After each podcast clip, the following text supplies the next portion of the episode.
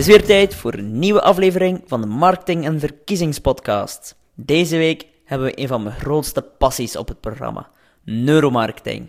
En we laten hiervoor Walter Limpets aan het woord. Hij zal jullie onder andere uitleggen hoe zij aan de hand van MRI-scans kunnen bepalen welke invloed commerciële communicatie heeft. Alvast heel veel inspiratie gewenst. En je weet het, als jullie nog vragen hebben achteraf, contacteer mij gerust.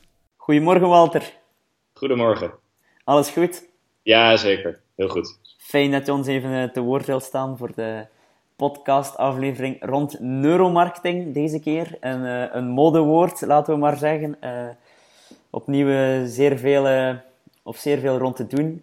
niet alleen in gewone of in, bedrijfscommunicatie, maar zeker ook in politieke communicatie. maar laat het, laten we misschien eerst jouzelf even voorstellen. Ja, mijn naam is Walter Limpens. Ik ben een van de oprichters van Neurensics. Uh, Neurensics is een neuromarketing onderzoeksbureau. Uh, dat houdt in dat wij uh, onderzoek doen, maar we doen het op een, een, een, beetje een aparte manier. We maken namelijk gebruik van MRI-scanners. Voornamelijk MRI-scanners, ook andere methodieken waar we gebruik van maken. en dat doen we om te kijken in het brein van consumenten.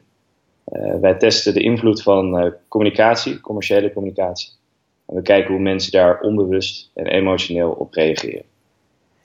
En, en voor, de, voor de luisteraars die niet helemaal uh, into neuromarketing zijn, wat zijn MRI-scans? Een MRI-scanner is um, heel kort door de bocht een hele grote magneet. En daarmee kan je zien waar bloed naartoe stroomt in je brein. Want als je ergens aan denkt, of dat nou bewust is of onbewust, dan hebben specifieke gebieden in het brein zuurstof nodig. Dat wordt aangeleverd door bloed Um, en zodra er zuurstof wordt uh, afgegeven aan een bepaald hersengebied, als dat gebied wordt geactiveerd, uh, dan kun je dat opvangen met een MRI-scanner.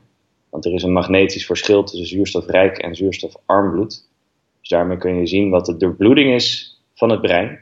En daarmee kun je dus ook zien waar mensen aan denken, zowel bewust als onbewust. Oké, en dan uh, even als, als ondernemer zijnde, hoe begin je daar in godsnaam aan? Want ik vermoed, eh, die, die MRI-scans, dan, heb, dan huur je dat dan van een ziekenhuis of heb je die zelf aangekocht? Ja, nou, onze ontstaansgeschiedenis is wel een, een leuk verhaal. is misschien wel leuk om te vertellen. Ja, graag. Uh, want ik heb uh, psychologie gestudeerd, sociale psychologie. En toen later nog bedrijfskunde. en toen was ik klaar met mijn studies en toen um, keek ik om me heen en had eigenlijk geen flauw idee wat ik, wat ik wilde doen. Um, althans, ik wist wel dat ik iets met psychologie en voornamelijk sociale psychologie wilde doen. Maar ik wist nog niet uh, waar dat kon. En toen ben ik uh, op een reclamebureau beland.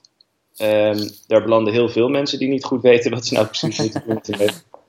Uh, en daar heb ik contact gemaakt met Martin de Munnik. Die was toenmalig bureaudirecteur van een reclamebureau.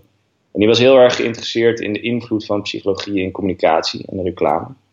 Toen ben ik me heel erg gaan verdiepen in de combinatie tussen neurowetenschap en marketing, wat je dus nu neuromarketing noemt. Uh, heel veel artikelen gelezen, boeken gelezen. Tot op een dag, ik dacht dat ik eh, alles wel had gelezen. Uh, en toen heb ik contact opgenomen met hoogleraar cognitieve neurowetenschap Victor Lamme aan de Universiteit van Amsterdam.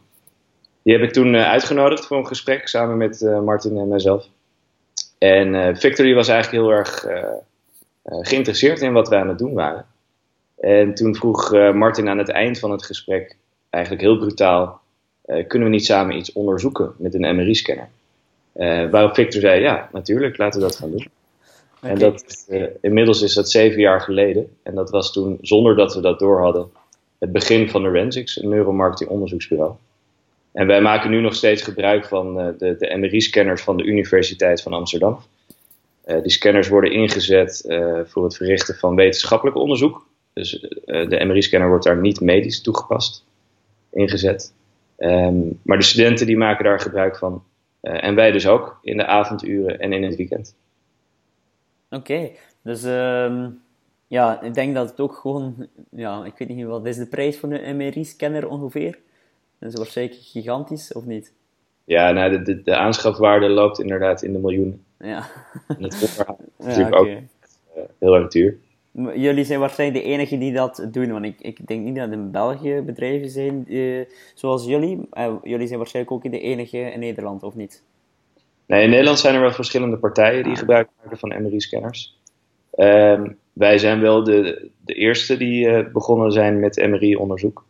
en wij zijn ook, wij, wij hebben inmiddels zoveel klanten dat we het onderzoek ook goedkoop kunnen aanbieden. met goedkoop natuurlijk even goedkoop of duur als andere onderzoeksbureaus, dus de traditionele onderzoeksbureaus. Hmm. Het is gewoon meer gestandaardiseerd van jullie, waardoor je minder uren. Uh, ja, precies. Ja, ja, Bij, in ieder scanuur kan je natuurlijk heel veel verschillende stimulusmaterialen laten zien. Um, en daardoor betalen allemaal verschillende klanten mee aan het scanuur. Uh, waardoor wij de kosten dus flink naar beneden kunnen drukken. Okay. En, en wat onderzoeken jullie dan? Want hoe moeten gewone mensen uh, dat dan voorstellen, wat jullie dan als resultaat kunnen leveren? Nou, wij, wij testen commerciële communicatie. Um, en dat is alles wat je kan zien of horen. Uh, dus denk bijvoorbeeld aan televisiecommercials. Uh, maar ook moving storyboards, dat zijn uh, schetsen van televisiecommercials. dus een bepaald concept. ook merken kunnen we testen. belofteproposities, productverpakkingen, et cetera. En als we die dan testen, dan kijken we dus naar. Uh, uh, we hebben een specifieke methodiek gemaakt, de brain rating. En daarmee kijken we naar uh, positieve en negatieve emoties. En aan de hand daarvan kunnen wij consumentengedrag voorspellen. Dus kunnen wij voorspellen wat mensen in de toekomst gaan doen. Dus of ze worden beïnvloed door een, een commerciële uiting. En is er, is er een onderscheid tussen hoe effectief positief of negatief emotie werkt? Nou, wat wij zien in onze onderzoeken, wij hebben daar ook verschillende benchmarks voor gemaakt. Uh, en wij zien dat de effectiviteit wordt bepaald door de balans van die positieve en negatieve emoties.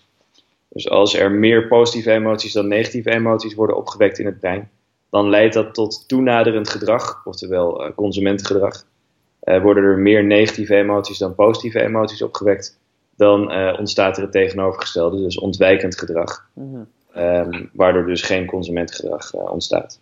Oké, dus negatieve emoties zou je dan bijvoorbeeld uh, ja, meer eh, zoals een Donald Trump gebruiken. Uh, ja, goed, dat is iets, iets gekleurd misschien, maar uh, een Donald Trump gebruikt een negatieve emotie om ervoor te zorgen dat mensen van, of de kiezer van Hillary Clinton niet gaat stemmen. En dan creëer ja, ja oké. En de positieve emoties gebruik je dan, Make America Great Again, dat is, dat is een positieve emotie, emotie denk ik. die gebruik je dan om mensen aan jou te binden. Ja, precies. Okay, ja. Kijk, in politieke communicatie is het natuurlijk wel iets anders dan uh, uh, commerciële communicatie. Uh, want politieke communicatie is ook heel erg gericht op groepsverbanden, groepsdynamieken. Um, en wat daar zorgt voor de sterkste positieve emoties is het, het horen bij, het, bij een groep. Dus de identiteit van een groep. wat je daar vaak ziet, en met, zeker in, in Amerika, waar je echt twee duidelijke groepen hebt, -hmm. is dat ze proberen de andere groep zwart te maken dus negatieve emoties op te wekken bij de vijandige groep.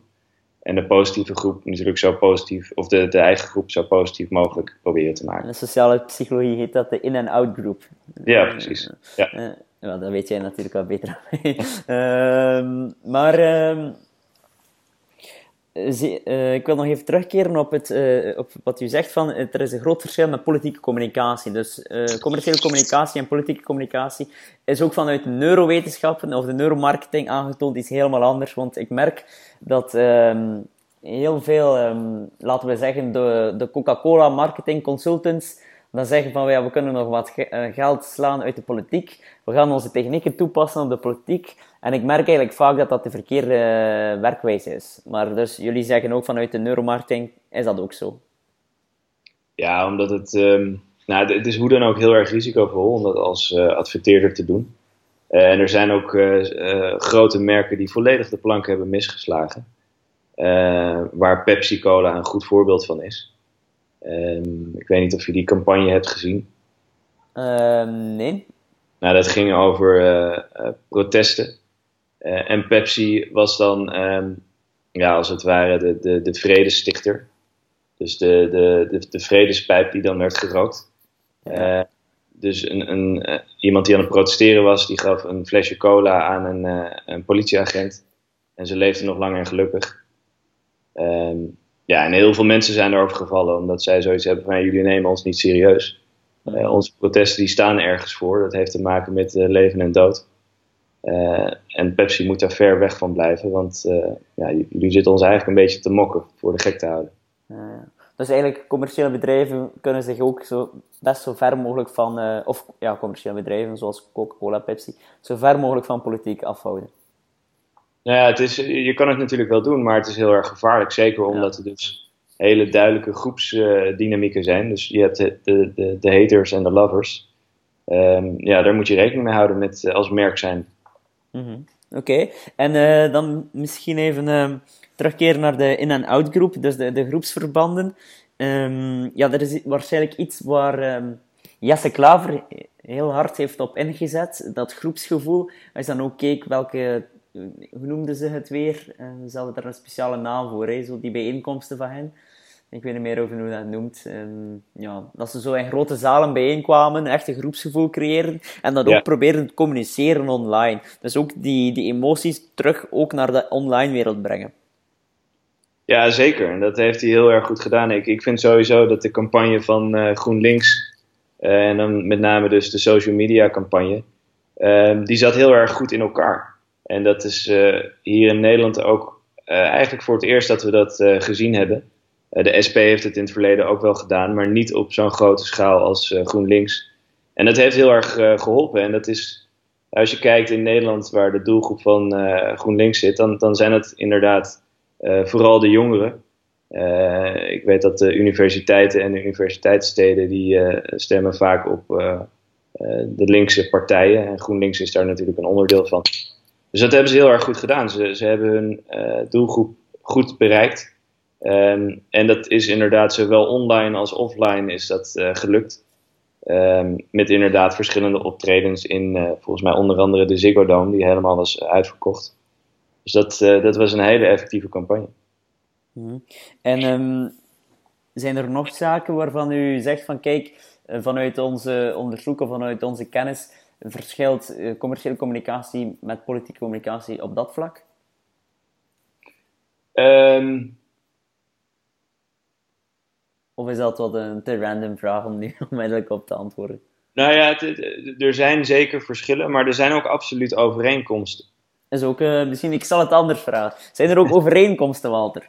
Ja, nee, er zijn zeker overeenkomsten. Ja. Want wat je ziet bij commerciële communicatie, um, is dat er vrijwel geen adverteerder meer is die op een rationele manier communiceert uh, met zijn consumenten, met, met haar doelgroep.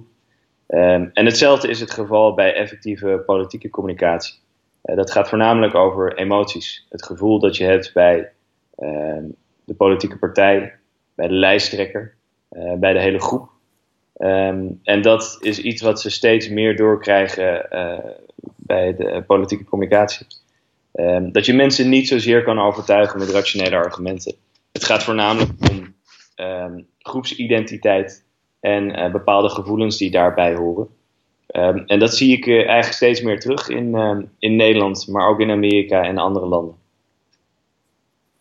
En er, is, uh, ja, er is ook een, een, kleine serie geweest over de Nederlandse verkiezingen, Wat de Heek. En daarin had je een, een, ja, een prominente rol. En een van die artikelen die ik daarover gelezen heb, de titel was Politiek draait niet om het beste idee, maar om het best gecommuniceerde emotie. Ik denk dat dat ook wel mooi past wat je nu net vertelt. Uh, ja. Dus ja, het gaat niet zozeer meer over de, over, over de ratio, maar nee, um, de vorige podcast hadden we het daar ook over. Niet meer over systeem 1, maar vooral over systeem 2, dus het emotionele. Um, dat wordt steeds belangrijker. Ja, nee, dat, dat, uh, dat klopt inderdaad. Um, ja, en wat je vooral ziet is dat uh, wat er nu in Amerika gebeurt, vind ik heel erg interessant. ja, Trump die, die die uit de ene leugen naar de andere. Uh, maar nog steeds is 40% van het land staat achter hem. Uh, en ziet hem als de juiste persoon voor het presidentschap. En dat is toch wel heel erg opmerkelijk. dus blijkbaar maakt het niet heel erg veel uit wat je zegt. Maar vooral de manier waarop je het zegt. En dat heeft Trump heel erg goed in de gaten. Um, ja, die, die raakt de gevoelige snaar bij zijn achterban. En die weet welke thema's er van belang zijn. Um, en die benoemt hij dan ook. Ehm, ja, dat, dat vind ik heel erg slim van hem. En dat, uh, dat, dat heeft ook zeker, uh, naast alle negatieve aspecten natuurlijk van Trump, uh, ja, heeft het wel effectiviteit. Of zorgt het voor effectiviteit. En wat, wat ik, ik vertel ook vaak in mijn workshops voor politici, het verhaal van ja, die emotie is heel belangrijk.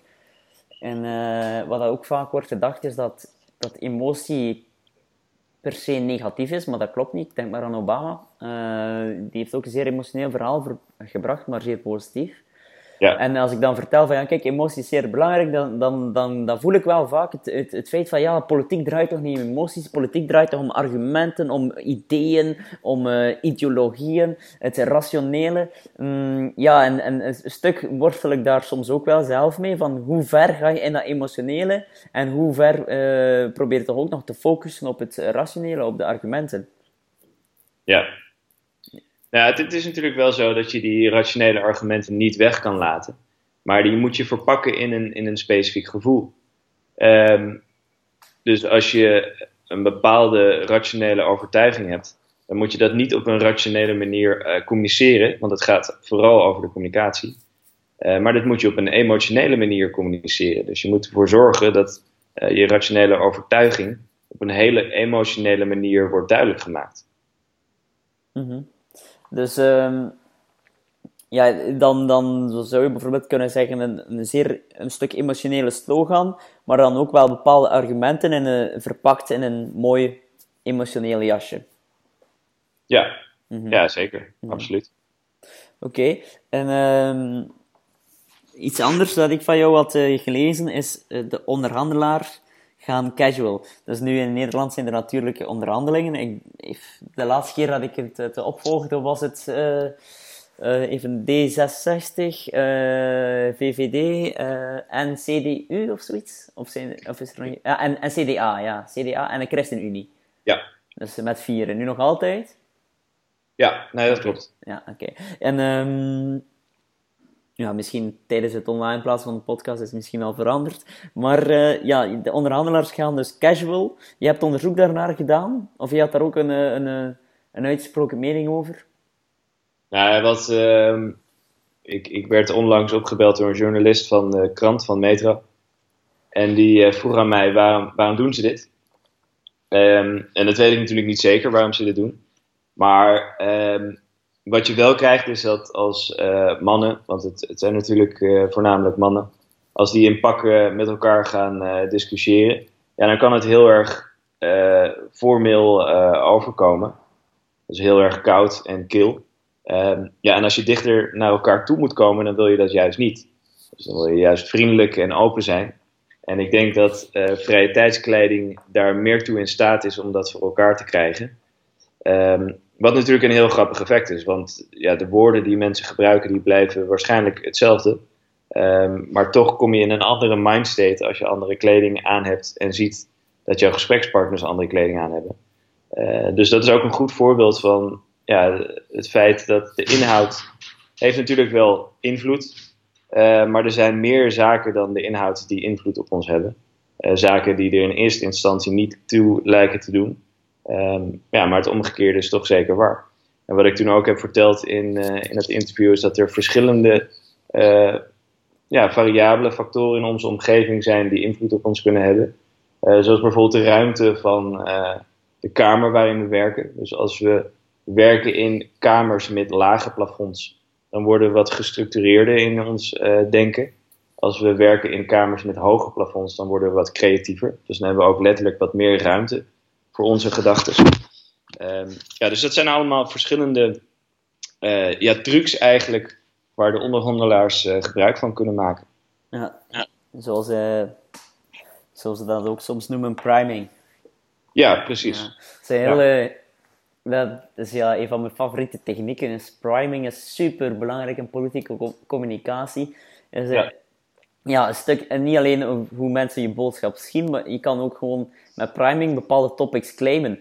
En in politieke communicatie is dat enorm belangrijk dat je topics kan claimen en dat jij dan top of mind bent. En dat kan je doen door te primen. En dat heeft Donald Trump uiteindelijk ook een stuk gedaan. Hij heeft uh, de verkiezingen echt geprimed rond, uh, of heeft het onderwerp uh, anti-establishment geprimed. En mensen hebben, hebben gekozen op niet op economie, maar ben ik voor establishment of tegen establishment? Uh, en ja, dan had je natuurlijk heel makkelijke... Ja, bij Clinton was het duidelijk, zij is establishment. Ze heeft ook proberen te, ja, een beetje te omzeilen door te zeggen of te beweren dat ze niet establishment is, omdat ze de eerste vrouwelijke president kan worden en zo. Ja, uh, natuurlijk niet echt helemaal. De mensen zijn ook niet. Ja, zien dat ook wel door natuurlijk. Maar in priming is er zoveel mogelijk. Ik had ooit nog een ander onderzoek gelezen van ja, Gialdini natuurlijk. Um, of het was niet van Gialdini, het was in zijn boek dat ik had gelezen, in zijn laatste boek, Persuasion. En uh, dat, dat mensen in een kamer waar er uh, posters van marathonlopers worden uitgehangen, dus van marathonlopers die de finish bereiken. Als je daar posters in de kamer uh, over hangt, dan mensen succesvoller zijn. En zijn productiever doorheen de dag. Ja. Omdat ze dan dat succes zien op die foto en daardoor worden ze geprimed. En dan zijn ze zelf de dag productiever. En een ander voorbeeldje was uh, Rodin, de denker. Dat is het bekende standbeeld. Als, je daar een foto, als ze daar foto's van plaatsen in de kamer, dan namen mensen betere beslissingen. Uh, dan ja. dachten ze beter na. Ja, dat zijn wel hele grappige effecten. Ik moet wel zeggen dat uh, over priming onderzoek is de laatste tijd veel te doen binnen de, de academische wereld. Omdat er heel veel effecten um, die gepubliceerd zijn, um, ja, die, het lukt mensen niet om uh, die te repliceren. Ja, ja. Dus ik ben, ik ben inmiddels wel wat, wat kritischer over priming effecten. Ik geloof nog steeds wel dat het bestaat. Mm -hmm. En een van de, van de grootste sociaal psychologen, Kahneman, die, die, die is het daar ook mee eens. Die gelooft het ook nog steeds dat het bestaat. Maar die heeft wel gezegd, en zijn zorgen ook geuit, ja, dat, dat we daar voorzichtig mee om moeten gaan. Mm -hmm. Dat er dat soms het... te veel uh, uh, ja, huistuin- en keuken-experimentjes worden gedaan. En dan worden aanzien als, als wetenschappelijk onderbouwde proeven. Ja, dat, maar ook dat er bepaalde papers gepubliceerd zijn die, ja, de, waar ze van denken dat er toch mee gefraudeerd is. Dat zou kunnen. Of dat hetzelfde onderzoek, uh, wat er vaak gebeurt, hetzelfde onderzoek tien keer is uitgevoerd. En dan één keer vinden ze een significant effect en dat wordt dan gepubliceerd. Ja, dat, uh, ik, ik weet zeker dat dat gebeurt. Maar ehm, dat is natuurlijk niet goed voor, uh, voor ja, voor de academische wereld. Ja, absoluut. absoluut. Ja, want um, misschien een klein bochtje.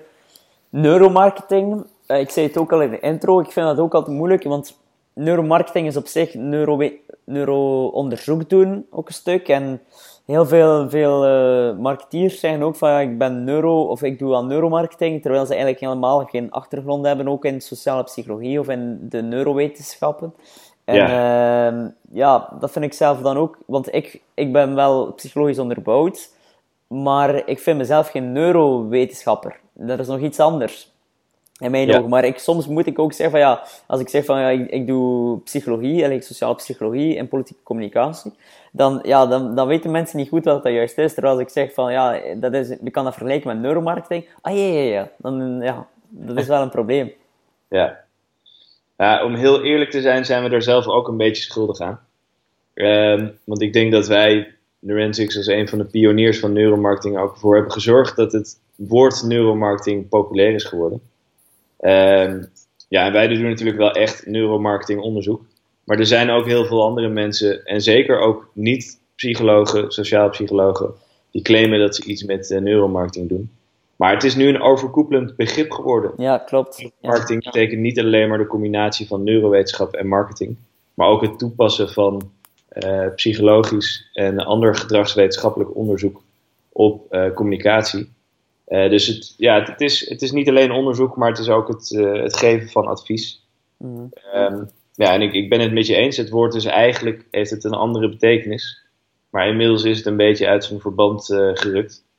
Um, ja, en de vraag is of dat ergens. Ik, ik, vind het, ik vind het heel erg leuk dat er steeds meer gebruik gemaakt gaat worden van gedragswetenschappelijk onderzoek in communicatie. Ja, absoluut. Dat ging ik ook zeggen. Van, uiteindelijk is het wel goed, want uh, goed, ik ben nu zelf nog maar uh, anderhalf jaar ondernemer of zo. Ik kan niet echt vanuit ervaring spreken. Maar wat ik wel merk, is dat er nog steeds. Een, ik wil nu geen uh, een, een steen werpen naar iemand of zoiets, naar iemand specifiek. Maar wat ik wel merk, is dat er in de marketing- en communicatiewereld heel, heel veel gebakken lucht wordt verkocht. Uh, eigenlijk zaken worden gezegd van, kijk, we moeten dat doen als... Ik ben een martier en ik zeg dat je dat moet doen. En als je dan vraagt waarom, ik heb dat gezien en dat iemand anders dat ook deed. Ja, maar dat is niet goed. Hè. Het is niet omdat iemand anders het doet, dat het daarvoor ook altijd goed is bij jou. Je moet het, ik vind het belangrijk dat het altijd gebaseerd is op data of psychologisch onderzoek. En, Ja. en nu dat die, die neuromarketing-inzichten veel toegankelijker zijn, verbetert dat wel de marketing. En is dat denk ik ook voor de, de slechte naam die marketeers hebben, ook wel, dat zal hen te goede komen, denk ik. Ja, ja ben ik met je eens. Dat, eh, dat klopt. En hoe zie jij het gedragswetenschappelijk onderzoek evolueren, of het belang van het gedragswetenschappelijk onderzoek? Mijn inziens is, ehm, is dat het ehm, ja, enkel nog maar aan belang zal toenemen. Of denk jij, het is, ja, het is wel op zijn hoogtepunt nu en het zal wat stagneren? Want ik denk dat, dat ik daar ook een artikel van jou had over gelezen. Eh, dat, je, dat je zei van, ehm, ja, het, het zal nu wat stagneren. Nou, stagneren, dat, dat denk ik niet. En die, die ontwikkeling zie ik ook eigenlijk niet eh, bij onszelf. Want ik merk dat er steeds meer klanten gebruik maken van onze diensten. Ehm, dus dat, dat, dat denk ik niet. Ehm, ik, ik denk dat er steeds meer gebruik gaat, gemaakt gaat worden van, van eh, de wetenschap in marketing. Ehm, en dat vind ik inmiddels ook wel de hoogste tijd dat er gebruik van gaat, gaat worden. Eh, want wat je ziet in, in marketing is dat creatieven heel lang ehm, de hoofdrolspelers waren. Dus de creatieve ideeën die waren leidend. Ehm, en wat je, wat je kreeg was dat er heel veel ideeën dus ook waren die onderbouwd waren. Of ideeën waarvan ik ook wist dat die niet konden werken, omdat die gebruik maakten van eh, technieken die juist averechts werkten. Ehm, ja, en dat is echt wel heel erg aan het veranderen. En ik denk dat het is begonnen met, eh, nou, ja, ook wel met de economische recessie. Dus dat iedere eh, euro of iedere dollar werd omgedraaid. Eh, dus er werd minder snel geld uitgegeven aan marketing.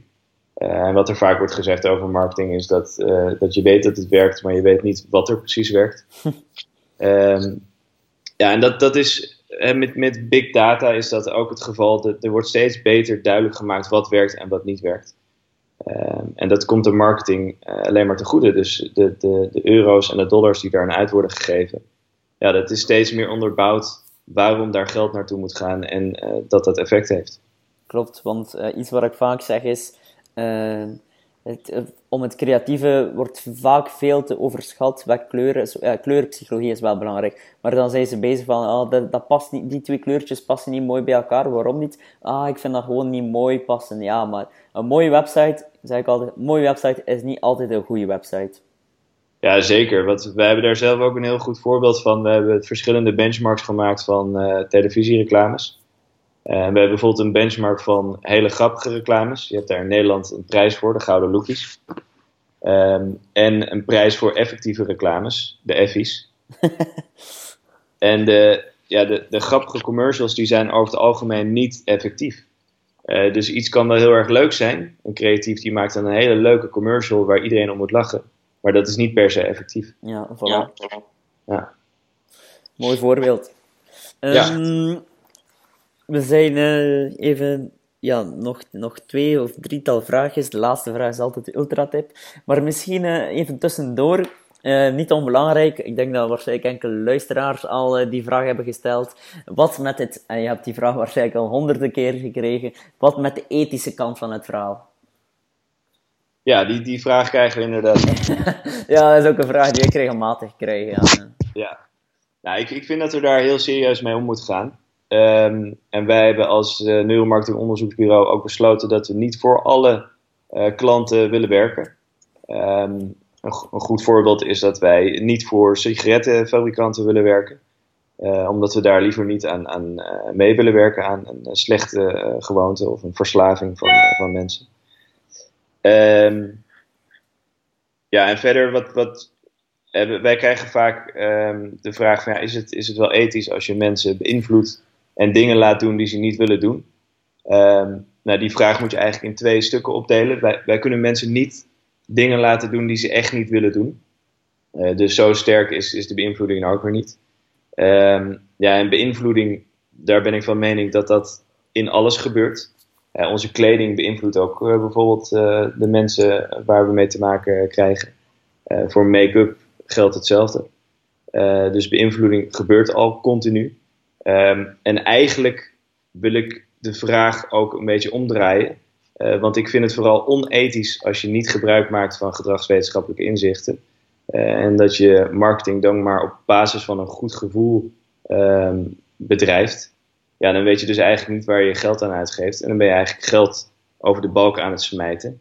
Ehm, en dat lijkt mij helemaal niet de bedoeling. Dus ik denk dat met neuromarketing wordt marketing beter onderbouwd. Uh, en weten marketeers beter waar hun geld aan uit wordt gegeven. Uh, waardoor je natuurlijk een, uh, een efficiëntievoordeel krijgt. Mm -hmm.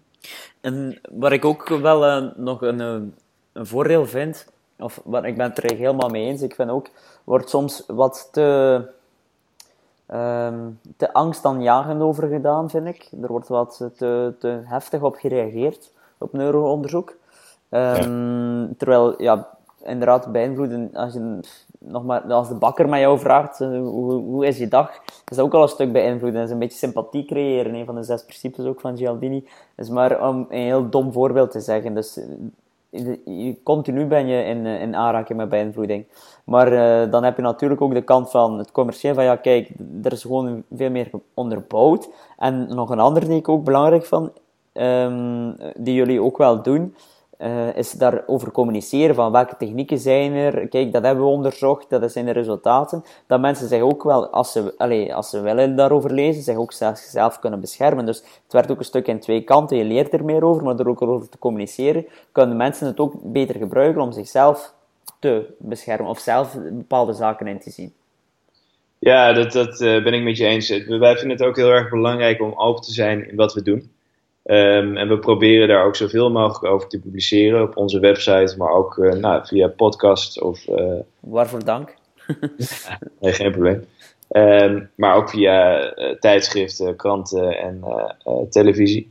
Dus daar werken we altijd aan mee, omdat wij het belangrijk vinden dat mensen op de hoogte zijn van nou, deze vorm van onderzoek. Mm -hmm. En ja. um, een, een, mooi boek, een mooi boek die ik heb uh, beginnen lezen, maar nog niet kunnen, heb kunnen uitlezen, is uh, De Vijfde Revolutie. En misschien ja. daar, uh, heb je dat al gelezen of ken je het boek? Ja, zeker. Ja, dit heb ik, nou, toen wij net begonnen, heb ik dat boek gelezen. Ah, kijk. En um, ja, dat, dat was natuurlijk, ik vond het een heel interessant boek en ik was het daar natuurlijk volledig mee eens. En zeker in combinatie met big data, en misschien uh, voor de luisteraars die het nog niet hebben gelezen, uh, het dus over het, boek vertelde eigenlijk dat het neuroverhaal eigenlijk enkel maar gigantisch gaat toenemen in de, in de komende jaren en dat we eigenlijk perfect, of bijna perfect gaan kunnen voorspellen hoe mensen zich gedragen in welke situaties, om het even kort door de bocht te schetsen. En zeker in combinatie met big data zie ik dat enkel nog maar meer boomen, omdat ja, als je ook kijkt naar, je kent misschien de methodiek van Trump, de Big Five, Ocean model, die ze hebben gebruikt. Uh, ja, zij, zij gaan eigenlijk op basis van big data psychologische modellen gaan maken van die kiezer. Dat is maar één van die voorbeelden dat er echt enorm potentieel is aan die, in dat neuroonderzoek in combinatie met big data. Ja, dus en daarnaast, ja, daarnaast ook met kunstmatige intelligentie. Ja, ja zeker. Ja. Um, dus als je kijkt naar de ontwikkeling van kunstmatige intelligentie, dat gaat ontzettend snel. En de neurowetenschap die draagt, die draagt daar natuurlijk uh, aan bij. Mm -hmm. Ja, en ik ben ook echt van mening dat dit de eeuw van het brein gaat worden in combinatie met kunstmatige intelligentie. Uh, want die combinatie kan leiden tot grote wetenschappelijke stappen. Daar ben ik echt van overtuigd. Ja, absoluut. Dus dat is, het is wat raar om te zeggen, maar hetgeen wat we bijvoorbeeld doen rond beïnvloeding is eigenlijk nog maar een topje van de ijsberg die, die, die komen zal. Uh, ja. Dus als, allee, mensen moeten zich daar ook wel een stuk op voorbereiden, denk ik. En niet te, allee, ook van beseffen, er, is, er komt nog enorm veel af. Maar goed, uh, we gaan even verder. Het, uh, het, het verhaal van de blackbox is misschien, ja, ik ken je natuurlijk ook, dus dat ja, stuk, ja, heel vaak van wat we doen, 95% van de beslissingen die we nemen, zeg maar ongeveer, uh, gebeurt onbewust. kan je iets meer zeggen over het principe van de blackbox? Ja, dat is, het, het is een, um, eigenlijk een psychologisch concept. Um, Vroeger was het natuurlijk niet mogelijk om uh, in het brein te kijken. Um, dus de psychologen die besloten, en dan vooral de, uh, het behaviorisme, uh, besloten om het brein te behandelen als een black box. dus je kan er niet in kijken, dus dan moet je het ook behandelen als een black box. Um, je kijkt dan alleen maar wat erin gaat en wat eruit komt. En op basis daarvan kun je wetenschappelijk onderzoek verrichten. Ja, en dat werkte heel erg goed. nog steeds zijn er heel veel interessante inzichten uit die, uit die stroming gekomen. Maar inmiddels kunnen we dus kijken in de black box.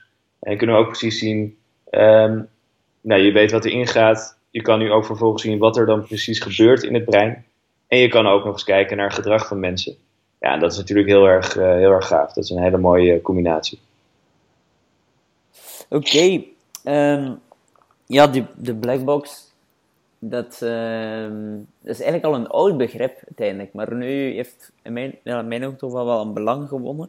En dat is eigenlijk ook iets dat vaak terugkeert in de, in de sociale psychologie en de technieken die we vandaag worden gebruikt. Um, om maar voorbeeld te noemen, een van mijn belangrijkste theorieën, of de belangrijkste theorieën die ik gebruik, zijn eigenlijk allemaal theorieën lang voor een tijdperk uh, dat sociale media belangrijk was. En, en uh, ook zoals je nu al in de podcast, podcast hebt gezegd, van eindelijk wordt het in de marketing gebruikt. Eindelijk, want die technieken, of heel vaak boeiende, belangrijke theorieën, bestaan al eeuwen, of niet eeuwenlang, bestaan al jarenlang. Bijvoorbeeld de cognitieve dissonantietheorie van Festinger uit 1957 is, is een van de belangrijkste theorieën in mijn ogen in politieke communicatie.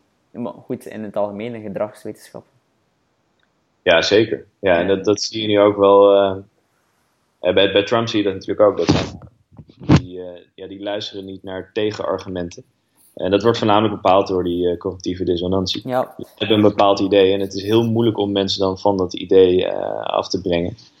Ehm, en zeker met sociale media, met, met algoritme, daarom dat ik ook zeg van het heeft enkel aan belang toegewonnen, die theorie, omdat je nu met een algoritme zit die voor jou bereikt wat je interessant vindt. Dus die creëert dat algoritme, creëert nog meer cognitieve consonantie uiteindelijk, uh, overeenstemming uh, met jou, waardoor je nog, nog meer aversie hebt tegen, uh, tegen die zaken waar je het niet mee eens bent, omdat je er gewoon niet meer mee wordt geconfronteerd. Dus, ja. En als je, als je dan eens er toevallig mee wordt geconfronteerd, dat is van, wow, wat is dat hier? Uh, nee, nee, nee, dat wil ik niet. En, en dan krijg je, krijg je nog meer aversie ervoor. Um, en, ja, dat is wel een grote, groot, uh, ja. iets die zeer belangrijk is. Ja, nou, wat, wat ik heel erg grappig vind in Nederland is dat uh, als je kijkt naar de gebieden in Nederland die hebben gestemd op de PVV. En de PVV is natuurlijk een rechtse partij met hele vind ik zelf radicale, extreme ideeën over... De partij van Geert Wilders. Ja, precies, ja. Uh, extreme ideeën over de islam. En je ziet dat nou, de, de, gebieden in Nederland waar die partij populair is, al wordt de partij steeds populairder. Um, maar dat begon namelijk in gebieden waar er weinig um, allochtonen woonden. Um, ja, dat, dat, dat zegt wel heel erg veel over als je alleen maar uh, afgaat van de mensen om je heen die hetzelfde denken, ja, dan, uh, dan is het moeilijk om je te laten overtuigen door uh, tegen ideeën. Want je denkt, ja, iedereen denkt toch zo en je zit in een bepaalde bubbel van mensen die allemaal hetzelfde denken. Ja, dus dat, dat wordt alleen maar sterker dan. Hm. Heb, je, heb je daar een tip voor om daarop in te spelen? Hoe je daarmee moet omgaan? Als marketeer of als politieker of politicus, politica dan? Ja, ik heb, er, ik heb er wel eens over nagedacht en ook discussies over gehad met vrienden. Ehm, en ik denk dat, dat de beste remedie is om uh, in contact te komen met mensen die anders dan jou denken. Um, want wat je dan vaak merkt is dat, dat je toch wel heel veel overeenkomsten met die mensen hebt. Um, en dat is natuurlijk ook dat je de overeenkomsten benadrukt, waardoor je makkelijk ook uh, andere ideeën van die mensen overneemt.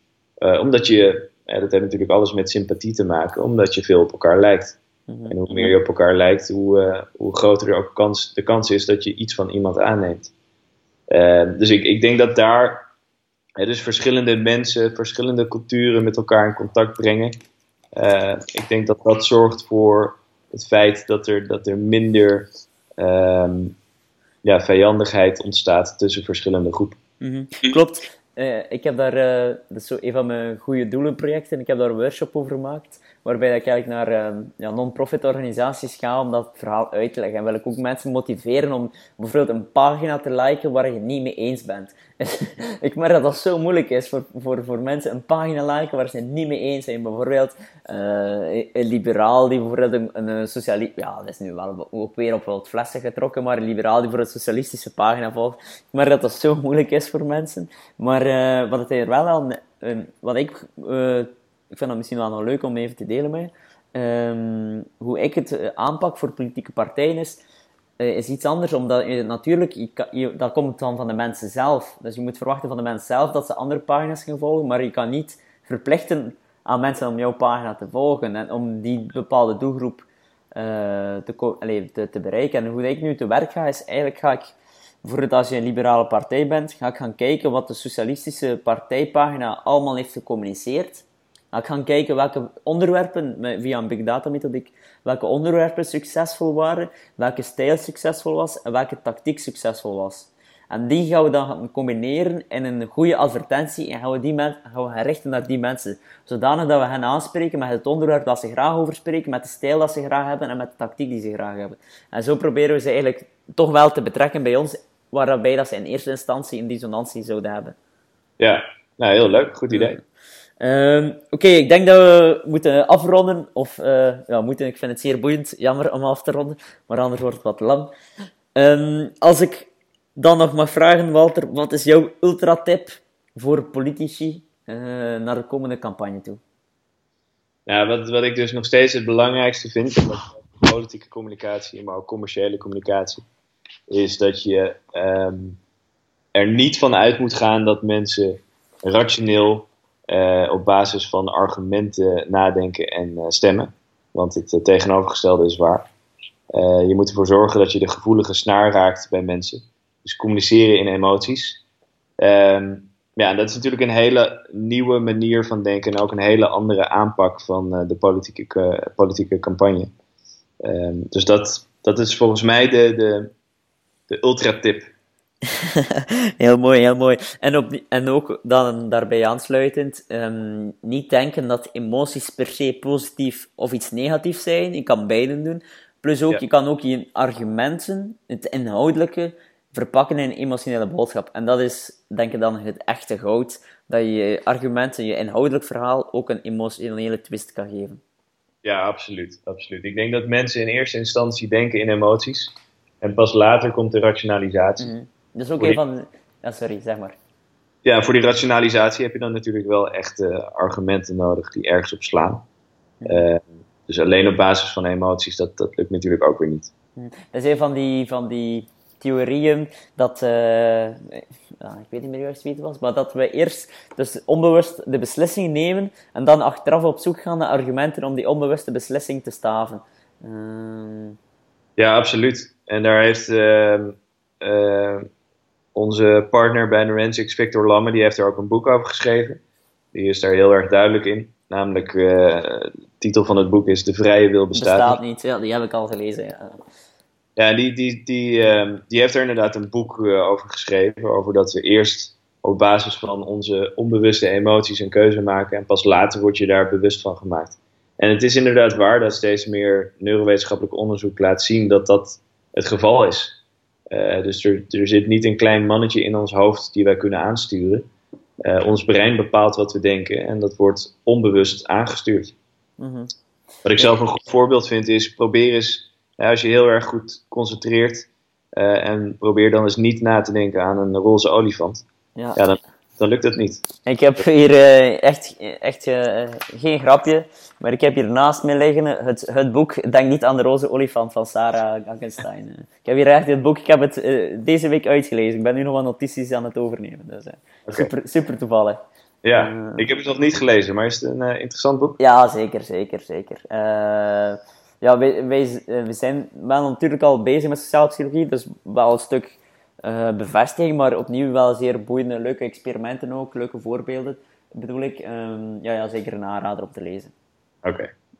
Um, Oké, okay, maar ik ga Victor uh, Lamme ook zeker even contacteren, want ik vond zijn boek zeer inspirerend. De Vrije Wil bestaat niet. Ik heb het trouwens al even genoemd in een van mijn andere podcasts. Dus uh, ah, okay. uh, heel boeiend. Oké, okay, Walter, we gaan afronden. Super hard ja. bedankt. Um, mijn notitieboek staat weer al vol, dus ik heb heel veel boeiende zaken genoteerd. En Heel ik goed. denk dat de luisteraars niets anders zullen doen. Nou, heel fijn. Fijn om te horen. Oké, okay, Walter, tot de volgende. Oké, okay, prima. Ciao. Hoi.